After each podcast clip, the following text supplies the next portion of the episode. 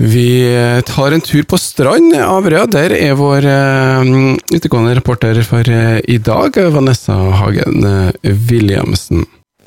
Ja, nå befinner jeg meg som nevnt på strand på Averøya, forbi Kvernes kirke. En veldig fin tur, selv om det er litt regn og vind. Frodig og grønt er det allikevel. Og jeg er kommet inn i varmen hos Karianne Tyggesen og Steffen Fent, som er kjent for Hasseltun honning og birøkterutstyr. Karianne. Ja. Hasseltun honning, fortell oss litt om det. Ja, vi startet først uh, med bier. Um, fordi Steffen han uh, spurte meg om ikke vi skulle begynne med bier. Da sa jeg ja. Det hørtes spennende ut, for jeg kjente en fyr som hadde drevet med bier før. Men vi må gå på kurs først, så da meldte vi på oss på et kurs. Og så begynte vi med bier. Er det lenge siden? Ja, det er vel femte året vi holder på nå. Mm. Og vi begynner først. Ingen av dere er fra Averøya. Hvordan kom dere hit? ja, jeg er fra Oslo, og Steffen han er fra Tyskland. Steffen bodde i Kristiansund eh, når vi traff hverandre på sukker.no.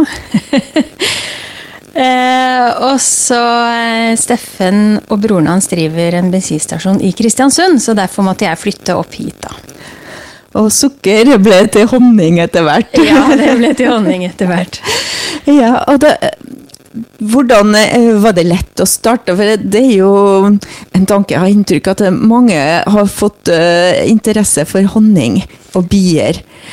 Var det lett å sette i gang? Eh, ikke så lett her i Møre og Romsdal, fordi at eh, i mange andre steder i Norge så har biene en eh, midd som ikke finnes i Møre og Romsdal. Sånn at når man skal starte med bier her, så kan man kun kjøpe bier fra Møre og Romsdal. Så, det, så, Derfor så var det ikke så enkelt å få tak i bier første, med en gang. Da, så vi måtte faktisk vente et år før vi fikk tak i bier.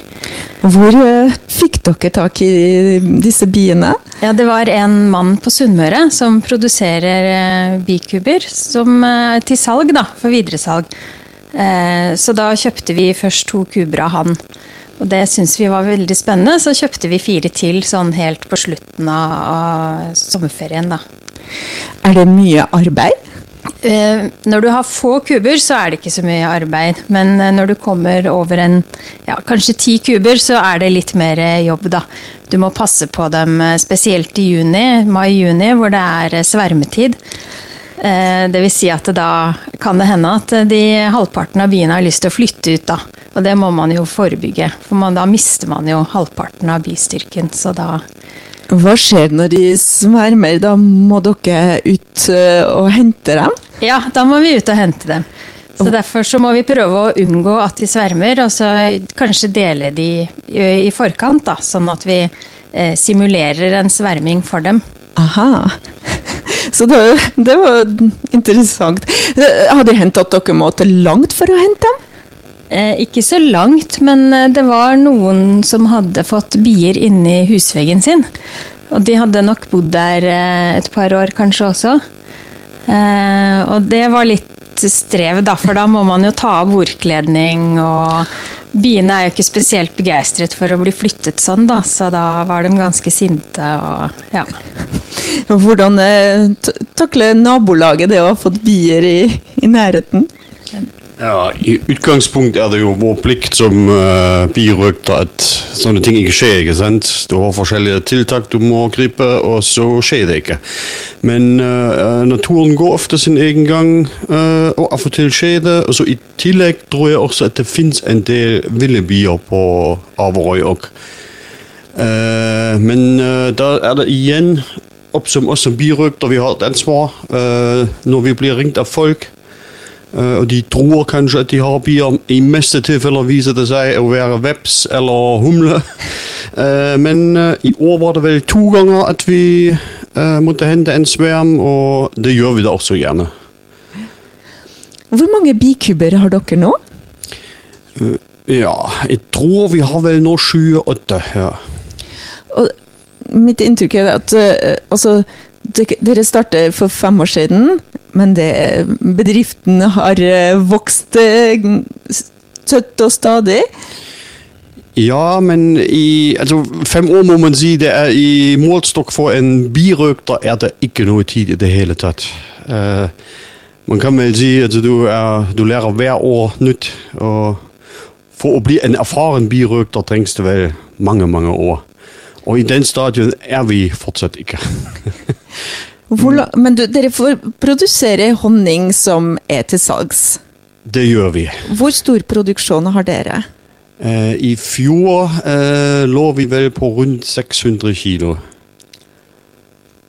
Det, det høres mye ut, men du sier det, dere er bare i startgropa. Hvor, hvor mye er det sånn standard for Eh, man, da må man jo si altså, Man jo gå ut fra at de fleste som driver med bier, gjør det på hobbybasis.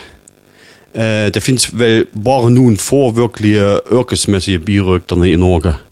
I Møre og Romsdal er det kanskje tre eller fire, vil jeg tro. Så det er ikke så mange av dem som driver virkelig stort. Men på hobbybasis er 600 kilo det er jo et, et mengde som du også må uh, få solgt. Så, og hvis du er uh, i vanlig jobb til hverdags, øh, er det ikke så lett. Og dere er begge to i jobb? Eller Vi har begge fulltidsjobb, og det er krevende å ha bier der ved siden av. og hvordan får dere solgt honningen? Eh, Vi har eh, hos, eh, på stasjonen der hvor de Steffen jobber, da, der selger de honning. Vi har jo egen butikk hvor vi selger honning. I tillegg så har Bjartmars favorittkro tatt inn honningen vår som de bruker i maten sin. Og så er det Plan A og eh, God. Og så er det Kur frisør også har honningen vår til salgs eh, i lokalene sine. Ja, sånn som du sa, altså, dette er en hobby, men allikevel. Dere har en stor eh, honningproduksjon, og så har dere åpnet en butikk. Kan du fortelle oss litt om det? Ja, fordi når man driver med bier, så trenger man en del eh, utstyr. Eh, og da eh, nærmeste butikk, det er enten nord for Trondheim eller nærmere Oslo. Så det er ganske langt å reise, for, eh, og så er det ganske store. Du må kjøpe kasser, og det er utstyr som tar stor plass. da. Så da koster det en del å sende det i frakt. Så derfor så tenkte vi at da kan vi starte en butikk her. eh, som kan være et tilbud til området her, da, siden det er så langt å reise for å få tak i noe. Når åpnet dere butikken? Eh, Det var eh, rett etter at korona stengte landet i fjor. Da åpnet vi butikken vår. Og er det godt besøk? Har dere fått noen tilbakemeldinger?